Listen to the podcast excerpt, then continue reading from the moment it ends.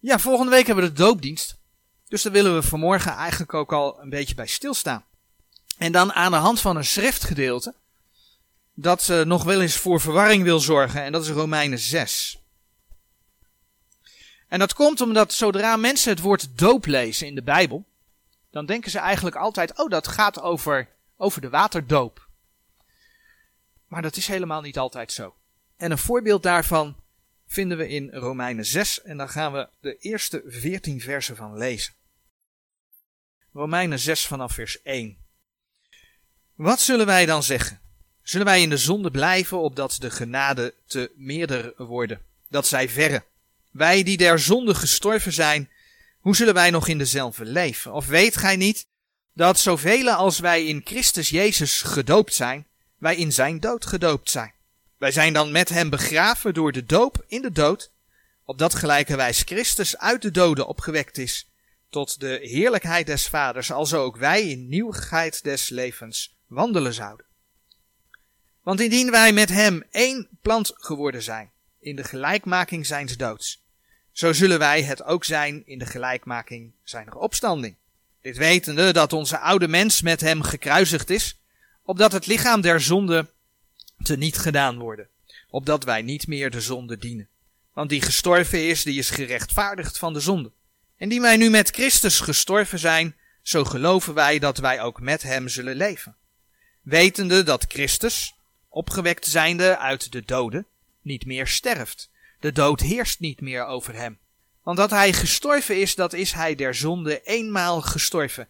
En dat hij leeft, dat leeft hij Gode. Alzo ook gij lieden, houdt het daarvoor dat gij wel der zonde dood zijt, maar Gode levend zijt in Christus Jezus onze Heer. Dat dan de zonde niet heersen in uw sterfelijk lichaam, om, naar, om haar te gehoorzamen in de begeerlijkheden deszelfde lichaams. En stelt uw leden niet der zonde tot wapenen der ongerechtigheid, maar stelt u zelf vergoden als uit de doden levend geworden zijnde. En stelt uw leden goden tot wapenen der gerechtigheid. Want de zonde zal over u niet heersen, want gij zijt niet onder de wet, maar onder de genade. In de versen 3 en 4, daar hebben we gelezen, of weet gij niet dat zoveel als wij in Christus Jezus gedoopt zijn, wij in zijn dood gedoopt zijn. Wij zijn dan met hem begraven door de doop in de dood, opdat gelijke wijs Christus uit de doden opgewekt is tot de heerlijkheid des Vaders, als ook wij in nieuwigheid des levens wandelen zouden. Heel vaak hoor je mensen zeggen dat ze na de doop, en dan bedoelen ze de waterdoop, dat ze dan in nieuwheid, nieuwigheid des levens wandelen. Dus dan zouden ze door de waterdoop met de Heer Jezus, want dat zeggen die versen in, in Romeinen 6 vers 3 en 4, dan zouden ze dus door de waterdoop met de Heer Jezus gestorven en opgestaan zijn. Nou, in veel Pinkster- en charismatische kringen zie je dan ook dat het ontvangen van de Heilige Geest aan de waterdoop gekoppeld wordt. En ja, in vers 4 staat toch ook geschreven dat het allemaal gebeurt door de doop? Dus waar doe je nou moeilijk over? Het is door de doop. Maar, dat zou inhouden dat iemand die tot geloof is gekomen en zich niet heeft laten dopen, de Heilige Geest nog niet heeft ontvangen. En dat zou ook inhouden dat iemand die tot geloof is gekomen, de Heilige Geest nog niet heeft ontvangen, ook nog niet behouden is. En kijk wat de versen in Efeze 1, vers 13 en 14 hè, over bekend, want ik, ik citeer die versen wel vaker. Maar we lezen ze. Als je wil mag je ze opzoeken in de Bijbel. Ik lees ze even uh, vanaf de dia. In welke ook gij zijt nadat gij het woord der waarheid, namelijk het evangelie over zaligheid gehoord hebt. In welke gij ook nadat gij geloofd hebt, heb je dat geloof weer, zijt verzegeld geworden met de heilige geest der belofte. Die het onderpand is van onze erfenis, tot de verkregen verlossing, tot prijs zijner heerlijkheid. Het woord horen, geloven, verzegeld worden met de Heilige Geest. Dat zegt Gods woord. Efeze 1, vers 13 en 14. Als je dus bij die uitleg van Romeinen 6, vers 3 en 4 uh, wilt blijven, die mensen ervan maken, dat je dus ook gedoopt moet zijn om de Heilige Geest te ontvangen, dan zou je er dus eigenlijk van moeten maken, nadat gij geloofd hebt en gedoopt zijt. Zijt verzegeld geworden met de Heilige Geest der belofte, die het onderpand is van onze erfenis tot de verkregen verlossing. Maar dat staat er niet. Even zo goed zou dan Romeinen 10 vers 9 niet kloppen. Romeinen 10 vers 9 zegt namelijk, namelijk indien gij met uw mond zult beleiden de Heer Jezus en met uw hart geloven dat hem God uit de doden opgewekt heeft, zo zult gij zalig worden. Dat is wat, wat de Heer zegt over tot geloof komen en, en behouden worden. Met uw mond beleiden, met uw hart geloven. Dan ben je behouden. Dus als je dan ook nog gedoopt moet zijn in water voordat je de Heilige Geest ontvangen bent en behouden bent, dan zou je daar dus eigenlijk van moeten maken, namelijk indien gij met uw mond zult beleiden de Heer Jezus en met uw hart geloven en dat hem God uit de doden opgewekt heeft, en dat gij ondergedompeld zult zijn in water, zo zult gij zalig worden. En ja, dan kloppen Romeinen 10 vers 10 ook niet, en Romeinen 10 vers 11 ook niet, en Romeinen 10 vers 13 ook niet. Moeten we ook aanpassen. Maar we zijn nu bezig om Gods woord aan te passen op een uitleg die je nog wel eens hoort. En ja, dat is niet de bedoeling. We voegen iets toe aan die versen. En dat is niet de bedoeling. De Heere die waarschuwt niet voor niets op verschillende plekken in zijn woord dat we niet moeten toevoegen aan zijn woord en dat we niet moeten afdoen van zijn woord. Ik heb Spreuken 30 vers 6 als voorbeeld opgezocht. Doet niet tot zijn woorden, opdat hij u niet bestraffen en gij leugenachtig bevonden wordt. Spreuken 30 vers 6. Je zou ook in de wet Deuteronomium 4 vers 2 kunnen opzoeken. En in het Nieuwe Testament openbaring 22 vers 18 en 19. Het waarschuwt aan tegen het toevoegen aan Gods woord en tegen het afdoen van Gods woord. Dat wil de Heer niet. En dan zoeken we Marcus 16 vers 16 op. In Marcus 16 vers 16 daar staat het volgende geschreven. Marcus 16, vers 16. Die geloofd zal hebben en gedoopt zal zijn, zal zalig worden. Die geloofd zal hebben en gedoopt zal zijn, zal zalig worden. Maar het is niet het hele vers. Het tweede deel van het vers zegt, maar die niet zal geloofd hebben, zal verdoemd worden. Als alleen het eerste deel van het vers er was geweest, dan had je even los van alle andere versen die in Gods woord staan hè, over dit onderwerp, dan had je op basis van dit vers misschien kunnen denken dat de doop wel degelijk invloed op je behoud zal hebben. Maar het tweede deel van het vers is heel duidelijk. Maar die niet zal geloofd hebben, zal verdoemd worden. De doop heeft geen geestelijke werking. De doop heeft geen enkele invloed op je behoud. De conclusie is dan ook dat die uitleg die men vaak aan Romeinen 6 vers 3 en 4 geeft, dat je dus uit het watergraf opstaat en dan in nieuwheid des levens gaat leven, dat dat onzin is. Die klopt niet. Die, die strookt niet met Gods woord. En dat heeft er dus mee te maken dat er in Gods woord meerdere dopen zijn. Er zijn meerdere dopen. Er is niet alleen één waterdoop, er zijn zelfs verschillende waterdopen. Maar er zijn ook nog dopen die helemaal niks met water te maken hebben. Er zijn grofweg zeven verschillende dopen in Gods woord. En de eerste paar dopen ga ik vrij snel doorheen. Gewoon om te laten zien, kijk, er zijn andere dopen. De laatste twee, daar ga ik wat uitgebreider op in. Die hebben te maken met, met wat hier in Romeinen 6 vers 3 en 4 staat. En wat wij volgende week gaan doen. Dopen door onderdompeling in water. De eerste doop vinden we in 1 Korinthe 10 vers 2. In ieder geval de eerste doop die ik dan wil noemen. 1 Korinthe 10 vers 2. Daar wordt gesproken over dat het volk Israël in Mozes gedoopt is. Ze zijn in Mozes gedoopt in de wolk en in de zee. Dus deze doop gaat helemaal terug op de uittocht uit Egypte. En de Heere noemt het zelf een doop. Lees het vers maar in 1 Korinthe 10 vers 2. Dan zien we dat uh, Johannes de Doper komt. En Johannes de Doper, dat vind je bijvoorbeeld in Marcus 1 vers 4, die doopte de Joden in het water. In het water van de Jordaan. En hoe doopte Johannes de Doper? Dat staat in Marcus 1 vers 4. Hij doopte tot vergeving van zonde. Marcus 1 vers 4. Johannes was dopen in de woestijn en predikende den doop der bekering tot vergeving der zonde. Dat was de doop van Johannes. En waarom doopte Johannes het Joodse volk tot vergeving van zonde, tot bekering? Zodat de Heer Jezus aan hen geopenbaard moest worden, uh, zou worden. Dat staat namelijk in Johannes 1 vers 31. Dat had een doel. Johannes die zegt daar over de Heer Jezus in Johannes 1 vers 31. En ik kende hem niet, maar opdat hij aan Israël zou geopenbaard worden, daarom ben ik gekomen, dopende met het water. Dat is de doop van Johannes tot vergeving van zonde, zodat Israël zou zien wie de Heer Jezus was, is. Dat is de doop van Johannes. Dan komen we in Handelingen 2 vers 38, bij de Pinkste toespraak van Petrus, komen we tegen dat Joden die tot bekering zijn gekomen, en dat het om Joden gaat. Nou, lees Handelingen 2. Dan lees je iedere keer dat Petrus zegt: Gij Joodse mannen, gij Israëlitische mannen. Het gaat daar om Joden die daar vergaderd zijn, die tot geloof komen en die laten zich dopen. En opnieuw zie je dan dat Petrus in Handelingen 2, vers 38 de opmerking maakt.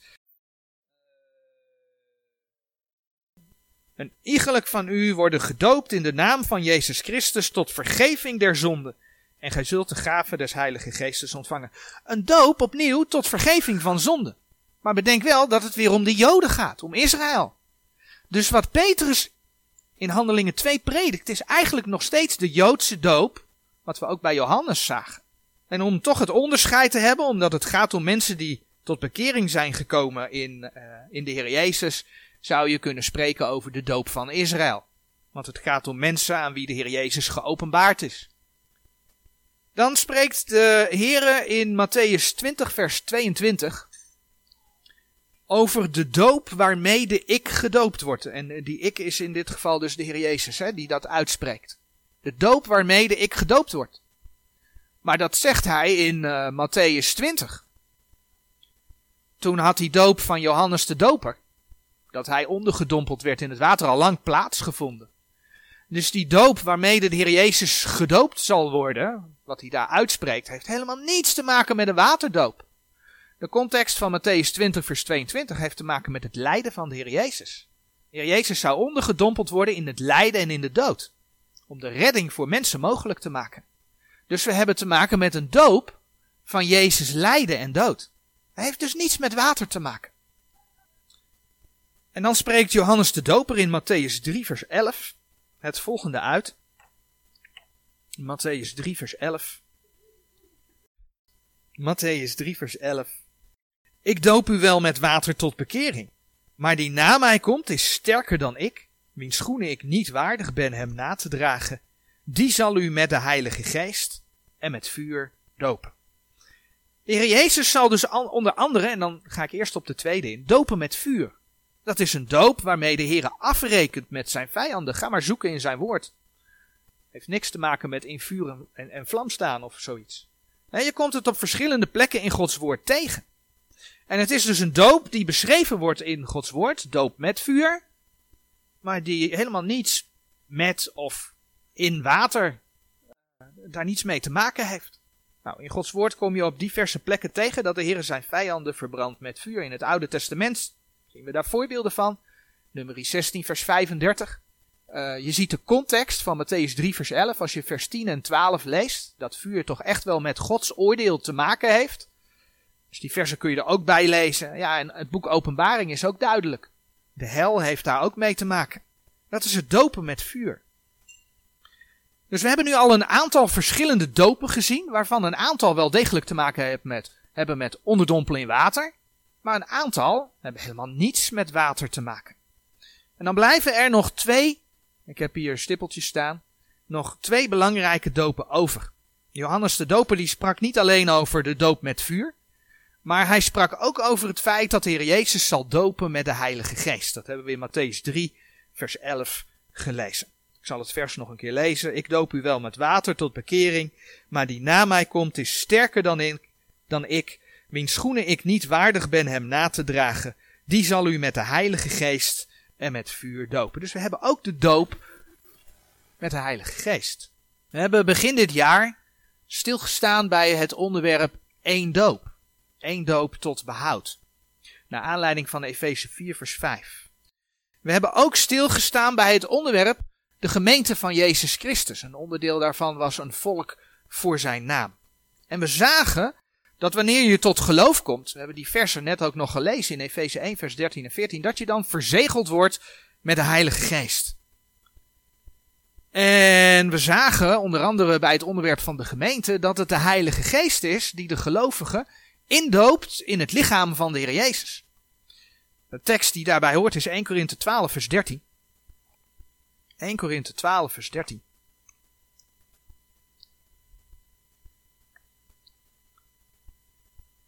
Want ook wij allen zijn door één geest tot één lichaam gedoopt.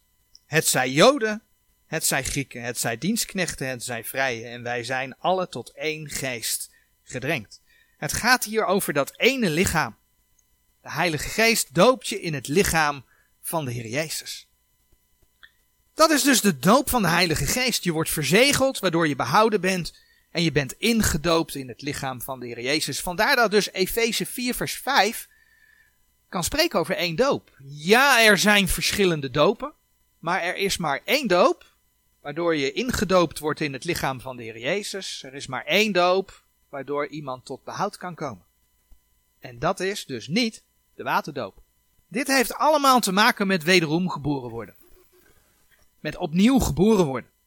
De Heilige Geest doopt je in het lichaam van de Heer Jezus. En omdat je dus in zijn lichaam gedoopt bent, ben je op dat moment in Christus.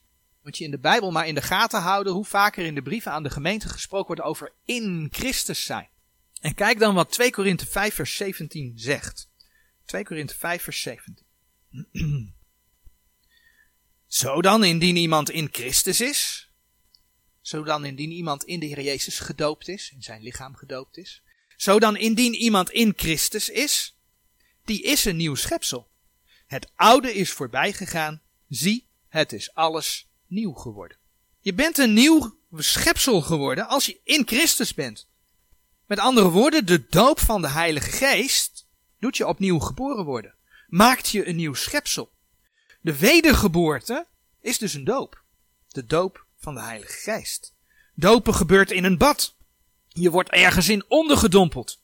Heel mooi dat de Bijbel ook spreekt over het bad der wedergeboorte. Kijk maar in Titus 3, vers 5 en 6. Titus 3, vers 5 en 6. Ik lees vers 4 er even bij. Maar wanneer de goede tierenheid van God onze zaligmaker en zijn liefde tot de mens verschenen is, heeft hij ons zalig gemaakt niet uit de werken der rechtvaardigheid die wij gedaan hadden, maar naar zijn barmhartigheid, door het bad der wedergeboorte en vernieuwing des heiligen geestes de welke hij over ons rijkelijk heeft uitgegoten door Jezus Christus onze zaligmaker. Dus ook hier zien we dat een doop niet altijd in water is. En we zien zelfs dat een bad niet altijd een bad van water hoeft te zijn. Het bad der wedergeboorte is de doop van de Heilige Geest. Nou, voor degenen die zich volgende week laten dopen, daar geldt, zij hebben met hun hart geloofd dat de Heer Jezus voor hun zonde gestorven is. En dat hij is opgestaan uit de doden. Zij hebben dat, Romeinen 10 vers 9, beleden met hun mond. En zijn daardoor, zegt Gods woord, Efeze 1 vers 13 en 14, verzegeld met de Heilige Geest, daardoor behouden. Zij zijn daardoor, door de Heilige Geest, ingedoopt in het lichaam van de Heer Jezus. 1 Korinthe 12 vers 13. En dus zijn ze een nieuw schepsel. Nu al. Niet pas volgende week na de doop. Dus op het moment dat zij zich laten dopen, zijn ze al reeds in het nieuwe leven. Ze zijn nu al in het nieuwe leven. Dus hieruit blijkt dat Romeinen 6 vers 3 en 4 niet over de waterdoop gaan, maar over de doop van de Heilige Geest. En laten we die versen nog een keer lezen. Romeinen 6 vers 3 en 4. Of weet gij niet dat zoveel als wij in Christus Jezus gedoopt zijn, wij in zijn dood gedoopt zijn? Wij zijn dan met hem begraven door de doop in de dood, opdat gelijkerwijs Christus uit de doden opgewekt is tot de heerlijkheid des Vaders, als ook wij in nieuwheid des levens wandelen zouden. Waardoor kun je wandelen in nieuwheid des levens? Waardoor is het oude voorbij gegaan en is het nieuw, alles nieuw geworden? Waardoor ben je een nieuw schepsel? 2 Korinthe 5 vers 17. Doordat je in Christus bent. Doordat je door de Heilige Geest in Christus gedoopt bent.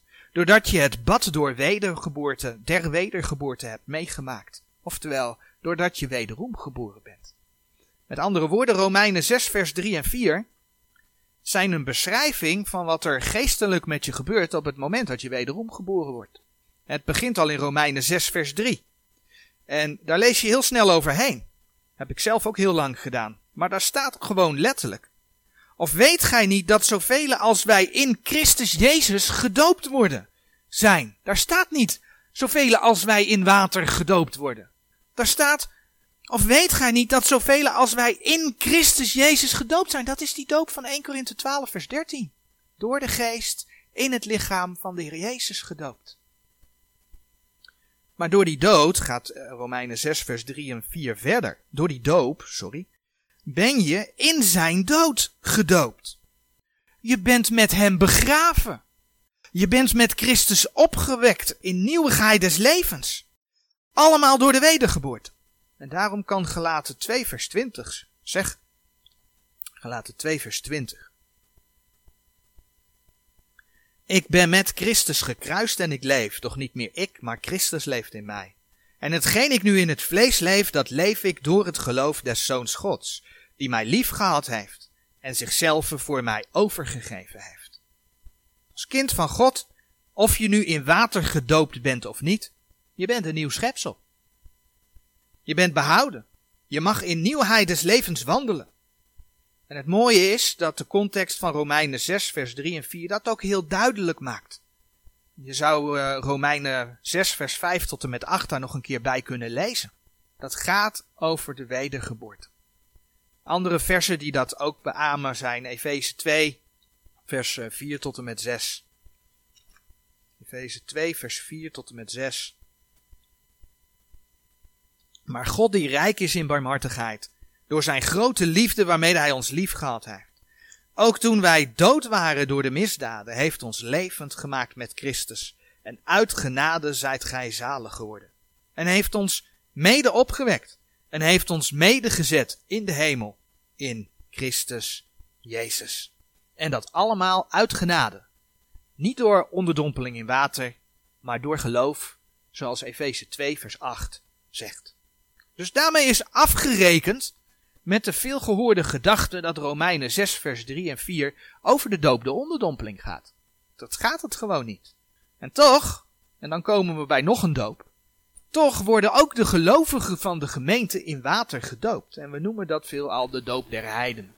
We zien dat bijvoorbeeld de Heer Jezus zelf, Matthäus 3, Matthäus 3 vers 15 spreekt erover, de Heer Jezus werd gedoopt. En dan is er de opdracht in Matthäus 28 vers 19. Matthäus 28 vers 19. Dat zegt, gaat dan heen, onderwijst al de volken, dezelfde dopende in de naam des vaders en des zoons en des heilige geestes, lerende hen onderhouden alles wat ik u geboden heb. Nu zijn er mensen die zeggen, ja maar Matthäus evangelie is Joods, dat wijst naar de grote verdrukking, is voor de Joden, is niet voor ons. Maar besef inderdaad, hè, een, groot deel van Matthäus, de bergreden, noem maar op, daar, daar zie je ook de, de offers weer in terugkomen, is Joods. In Matthäus wordt ook het koninkrijk uh, der hemelen onder andere gepredikt. Het, het, evangelie van het koninkrijk voor het huis Israëls. Als ik het goed heb, Matthäus 10. Maar er is wel een verschil met Matthäus 28 en dat is dat Matthäus 28 is na het lijden en sterven van de Heer Jezus. En daar waar de Heer Jezus in Matthäus 10 zei, ga naar het huis Israëls, kijk eens wat hij hier zegt. Ga dan heen, onderwijst al de volken. Dat is niet meer alleen voor Israël. Dat is voor de wereld. Dus ja, dat dat uitgaat tot in de grote verdrukking, dat geloof ik ook. Want ook dan gaan er mensen tot bekering komen. Zullen geen deel zijn van het lichaam van Christus, want dat is dan al opgenomen. Maar er gaan mensen tot bekering komen. Maar dit is wel degelijk ook van toepassing op de gemeente, want het gaat om Ga dan heen, onderwijst al de volken. Dit is niet meer specifiek Israël. Dus er is wel degelijk de opdracht van de Heer Jezus om de heidenen te dopen. Maar dan komt Paulus. Paulus is de apostel der heidenen. En die heeft de boodschap van de Heer Jezus aan de gemeente geopenbaard gekregen. En dat mag Paulus verder geven. Hebben wij in Gods woord ontvangen. En dan komt die Paulus en die doet die uitspraak in 1 Korinthe 1 vers 17. 1 Korinthe 1 vers 17. Een uitspraak die veel geciteerd wordt in kringen die uh, de hyperbedelingenleer aanhangen. En wat houdt dat in? Ze knippen zoveel uit Gods woord weg dat er zelfs zijn die zeggen 1 Thessalonicense, de opname van de gemeente, is, is, is, is, is voor Israël, is niet voor de gemeente. Dus ze houden alleen de brieven van Paulus over. En uh, die worden vaak ook opnieuw vertaald, omdat ja, de leer van hen daar niet in te vinden is. Zij laten de gemeente beginnen in eindhandelingen, halverwege handelingen of eindhandelingen. Er zijn verschillende stromingen in. Terwijl Paulus, daar komt het in Christus weer terug. Even kijken of ik dat hier zo snel zie staan.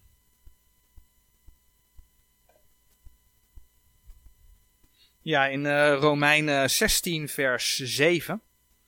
Daar lees je: Goed Andronicus en Junias, mijn magen en mijn medegevangenen, welke vermaard zijn onder de apostelen, die ook voor mij in Christus geweest zijn.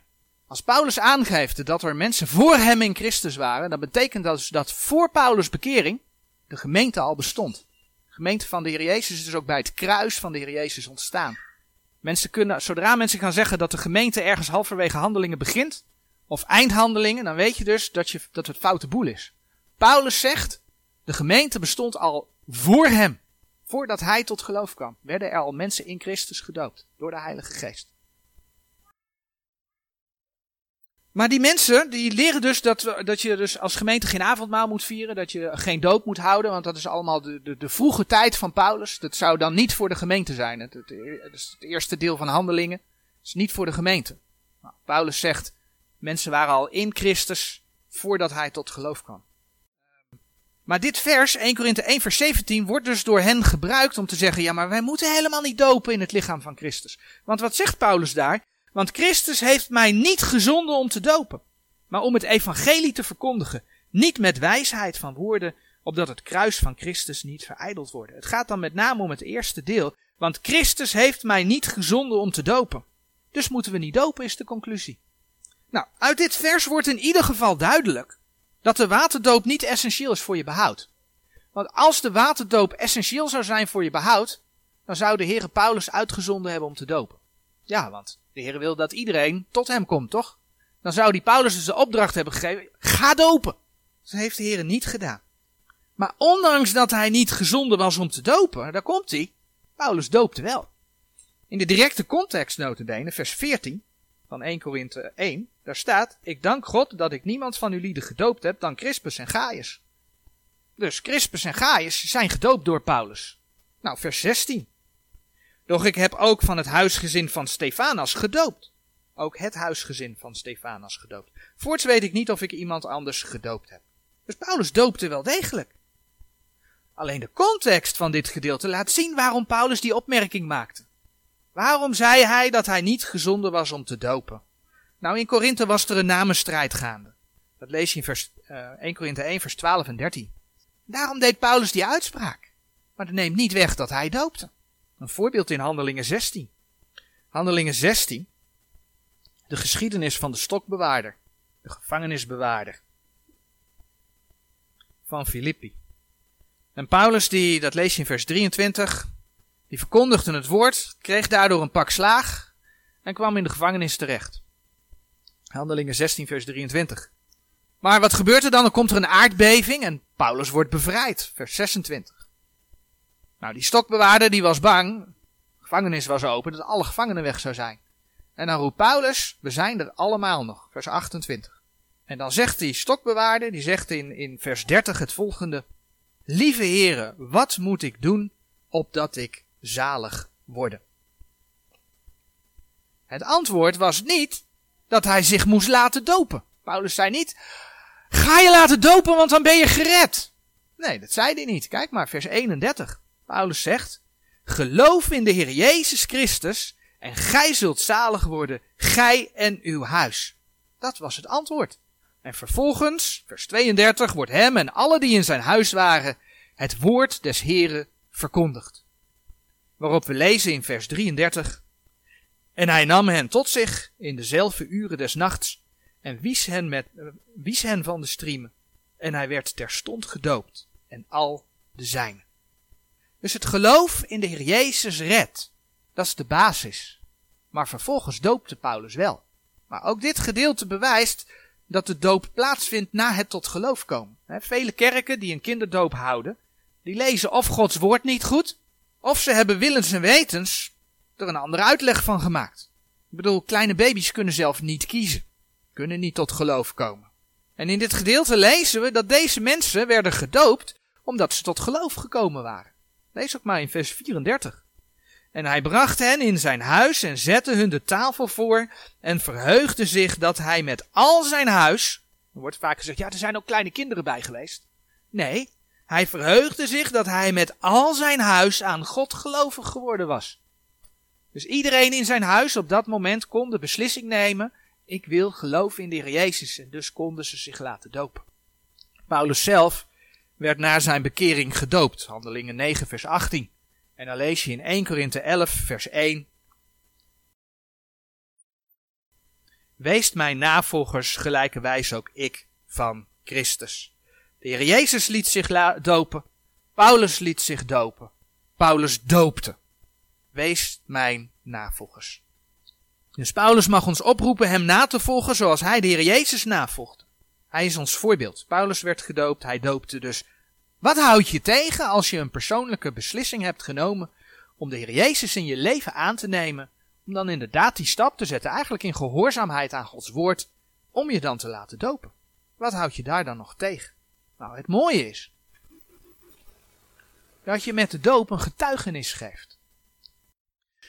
De doop is een getuigenis van wat je gelooft. We zagen in het begin dat Petrus doopte met water tot vergeving van zonde. Handelingen 2 vers 38. Maar later zegt Petrus in zijn brief in 1 Petrus 3 vers 21 dat dopen niet is tot vergeving van zonde.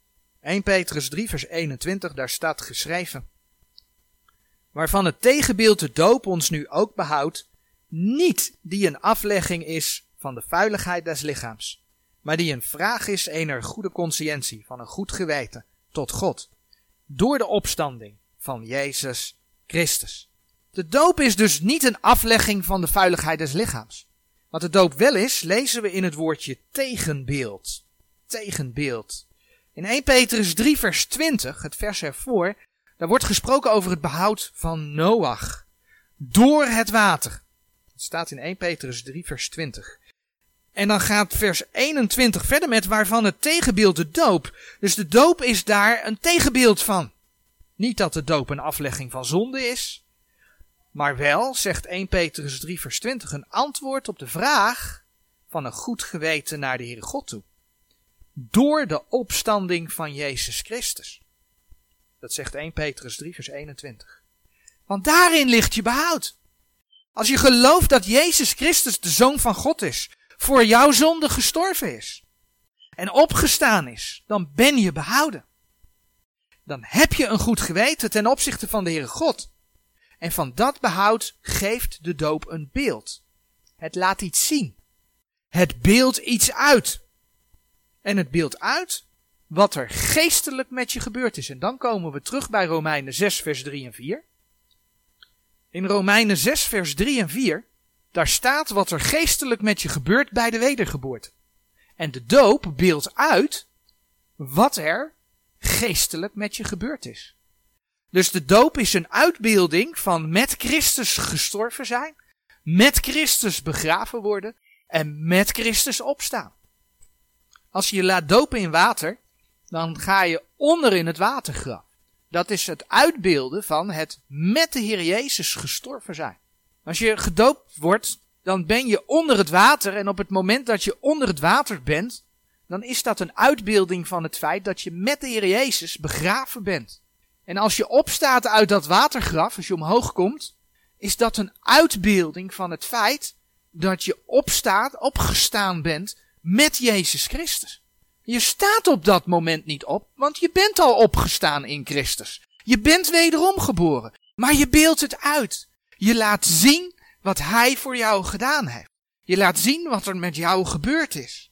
Dat is de doop. Het is in de meest letterlijke zin van het woord een getuigenis. De doop is niets geestelijks. In die zin, in die zin gebeurt er dus ook niets met je. Als je je laat dopen, ben je wederom geboren, ben je behouden, je bent verzegeld. En ja, er gebeurt wel iets. Je krijgt natte kleren. Omdat de doop je als gelovige de mogelijkheid geeft om door middel van dat watergraf te getuigen. Dat is het. Getuigen ten opzichte van de Here, maar ook ten opzichte van de mensen, dat je een goed geweten hebt ten opzichte van de Heere God. Dat je wederom geboren bent. En dat je met de Heer Jezus gestorven bent, begraven bent en opgestaan bent. En het is niet verplicht. Het is geen moeten. Maar in die zin zou het ook mooi zijn als je als dopeling iemand uitnodigt, zodat jouw doop ook een getuigenis voor je naaste kan zijn. Zoals we zagen, doet die doop dus niets geestelijks. Dat geestelijke is gebeurd bij de doop met de Heilige Geest. Het is weliswaar een stukje gehoorzaamheid aan Gods woord, een stukje navolgen van Gods woord, maar het is geen helsfeit. De doop maakt je ook niet heilig. De doop zal je ook niet behoeden voor struikelen. Een kind van God moet, ook na zijn of haar doop, dagelijks keuzes maken. Wandel ik tot eer van de Heere God? Of wandel ik toch maar voor mijn vlees? Omdat het misschien makkelijk is in sommige situaties. Romeinen 6, vers 3 en 4 gaan over de wedergeboorte en eindigen met de vergelijking van de opstanding van de Heer Jezus. En dan staat er, het laatste stukje van vers 4, alzo ook wij in nieuwigheden, nieuwigheid des levens wandelen zouden. Dat wandelen is dus geen vanzelfsprekend feit. Bij iedere situatie in je leven, bij iedere keuze die je weer maakt, zul je je moeten afvragen, volg ik de Here of volg ik mijn vlees? En dat geldt voor ons allemaal. Daarom heb ik er ook gezet, dat geldt zowel voor en na je doop. De doop verandert daar niets aan. Je zult dat iedere keer weer moeten afvragen. Ga ik Bijbel lezen? Of lees ik liever dat spannende boek? Een thriller of zo. Lees ik de Statenbijbel, omdat ik weet dat God zijn woord daarin bewaard heeft? En een tekst die daar wel mooi bij past is 1 Samuel 15 vers 23. Dat laat zien dat als je Gods woord verwerpt, dat het afgoderij is. En als je dan naar de werken van, van het vlees gaat kijken, staat ook afgoderij bij. Lees ik de Statenbijbel of blijf ik toch liever, omdat het wat makkelijker leest, ik noem maar eentje die dicht bij de Statenbijbel ligt, blijf ik toch de HSV gebruiken? Terwijl de HSV van mijn heer een slaaf maakt, terwijl de HSV de hel eruit haalt. Waar kies ik voor? Toch een beetje zuurdeeg? Dat het geheel doorzuurt? Zuurdeeg, beeld van de zonde? Ga ik die film over magie, ga ik die niet kijken? Of ga ik die film over magie wel kijken? Wil ik vervuld worden met de geest? Of geef ik me liever aan alcohol? Efeze 5 vers 18. Doe ik mee, doe ik niet mee aan roddel? Of doe ik wel mee aan roddel? Vergeef ik mijn broeder of zuster? Of vergeef ik mijn broeder of zuster niet? En als ik een relatie wil, ga ik dan trouwen zoals de Heer God dat vraagt? Of ga ik samenwonen of een of andere andere vorm die er tegenwoordig is? Ga ik naar de samenkomst, als er van de gemeente een samenkomst is? Of ga ik wat anders doen? De doop zorgt er niet voor. Hè, dus kun je veel meer keuzes kun je, kun je, kun je bedenken. Allemaal op basis van de werken van het vlees. Te vinden in Galaten 5, Efeze 4, Efeze 5, Colossense 3. De doop zorgt er niet voor dat je al die keuzes vanzelf goed maakt. Elke keer opnieuw moet je je afvragen of je voor de Here leeft en wilt leven. Romeinen 6 vers 8 zegt, Indien wij nu met Christus gestorven zijn, zo geloven wij dat wij ook met hem zullen leven. We gaan een opstandingslichaam krijgen. Maar de Heere betrekt het ook op het hier en nu. En dat vinden in de versen 11 tot en met 13 versen waar we wel vaker bij stil hebben gestaan. Maar dat hoort hierbij. Wat doe ik met mijn leven, met mijn lichaam? Alzo ook gij lieden houdt het daarvoor dat gij wel der zonde dood zijt. Je bent toch met Christus gestorven? Door de wedergeboorte. Houd het vlees dan voor dood. Maar gode levend zijt in Christus Jezus onze Heer. Dat dan de zonde niet heersen in uw sterfelijk lichaam om haar te gehoorzamen in de begeerlijkheden deszelfde lichaam. En stelt uw leden niet der zonde tot wapenen der ongerechtigheid, maar stelt u zelf goden als uit de doden levend geworden zijnde. En stelt uw leden goden tot wapenen der gerechtigheid. De doop is een mooi getuigenis van het feit dat je in Christus leeft en dat je behouden bent. Maar besef dat je ook na je doop elke dag opnieuw keuze zal moeten maken, zal moeten kiezen. Wandel ik zoals de Heere dat van mij vraagt in nieuwheid des levens. Amen.